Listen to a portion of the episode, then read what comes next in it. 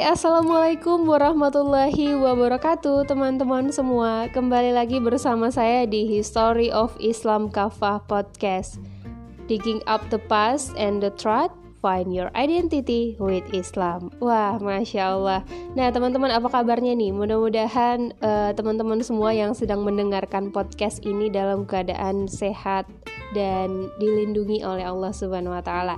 Amin amin ya rabbal alamin. Hari ini kita mau ngomongin uh, yang udah nggak asing gitu ya di telinga kita yaitu tentang pendidikan khususnya mungkin nanti pendidikan tinggi. Nah, dan saya kasih judul uh, podcast hari ini dengan judul si paling beban keluarga. Wah, apa-apa udah jadi beban nih. nah, teman-teman, kemarin kabarnya yang lagi viral banyak ya dari teman-teman kita semua di luar sana yang dapat beasiswa, salah satu beasiswa dalam negeri dari uh, Indonesia dan mereka nggak mau pulang gitu ya. Yaitu beasiswa LPDP langsung kita sebut aja deh nggak apa-apa kali ya. Nah katanya kita membiayai semua anak-anak bangsa ini ke luar negeri pakai LPDP saya suka sakit denger banyak yang kuliahnya pakai beasiswa LPDP, pas disuruh pulang ke tanah air, dia komparasikan gaji di luar dengan di sini, kata Cucun dalam rapat panja asumsi dasar RUU APBN 2023. Nah, ini saya ambil dari salah satu kanal berita gitu ya. Nah, teman-teman semua, ngomongin LPDP dan teman-teman kita yang nggak pulang, ternyata dari 15.000 mahasiswa yang udah jadi alumni, ada 170-an lebih atau sebagian daripada mereka itu dapat peringatan dulu baru balik ke Indonesia. 175 itu angka untuk tahun ini gitu ya. Nah, dan kabarnya yang gak mau balik ke Indonesia akan terus dimonitor dan akan terus uh, dicari tahu, dilacak karena memang pihak LPDP juga kabarnya bekerja sama dengan Dirjen Imigrasi untuk mengembalikan para alumni yang belum kembali. Dilacak udah kayak buronan kali ya. Tapi nih teman-teman, pernah nggak sih teman-teman itu kepikiran buat nanyain ada apa sih sama pendidikan kita di Indonesia dan dunia? Sadar ataupun nggak sadar, memang sebenarnya kapitalisasi pendidikan gitu kan ya tahu kan ya kapitalisasi pendidikan kayak hari ini tuh udah lama banget gitu kita rasain gitu kan ya. Ibarat gimana rasanya mau sekolah mau lanjutin stud studi pendidikan tapi dikejar sama hutang. Kayak gitu tuh kira-kira. Nah, mungkin itulah yang dirasain atau dialamin teman-teman kita yang juga kuliah lewat beberapa jalur beasiswa hari ini gitu kan ya. Nah, dan hal ini membuktikan bahwa faktanya yang kita lihat di lapangan, beasiswa yang selama ini banyak banget didamba-dambakan, kemudian digandrungi, di apa ya, ditekuni gitu untuk meraihnya sama generasi kita, ternyata tidak semembahagiakan itu loh gitu. Alih-alih pengen banggain orang tua dan negeri sendiri, lah malah jadi beban keluarga secara real dan didabelin dengan jadi beban negara secara langsung maupun tidak langsung.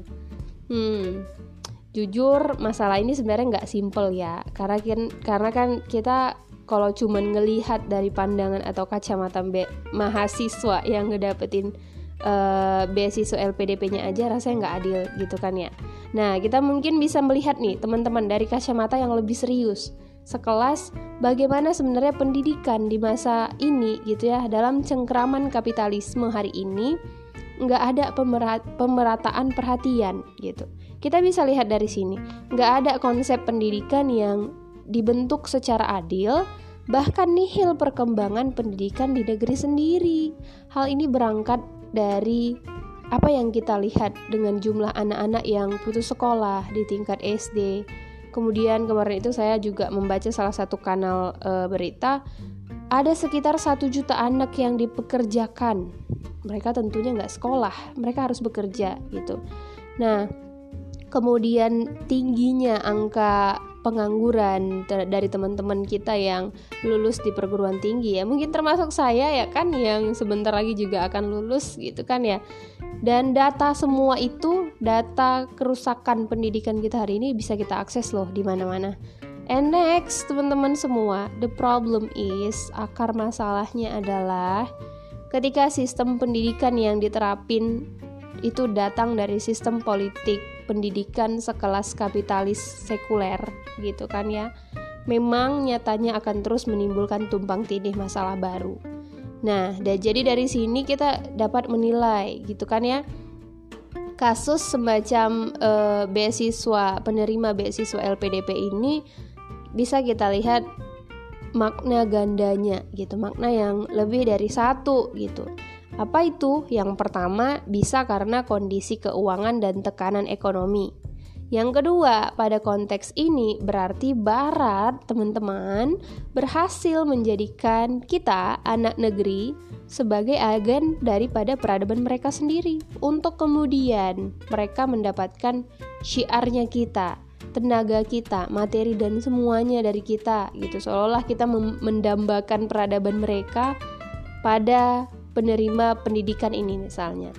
Nah, jadi ini merupakan sesuatu yang wajib kita koreksi sama-sama gitu ya. Walaupun saya merupakan uh, nggak bisa dipungkiri saya sempat ngelirik beberapa beasiswa termasuk LPDP lalu kemudian saya blacklist daripada uh, list tujuan beasiswa gitu kan ya. Kalau untuk mencoba kan nggak ada masalah kan ya. Karena ini merupakan bagian daripada uh, kondisi kita hari ini.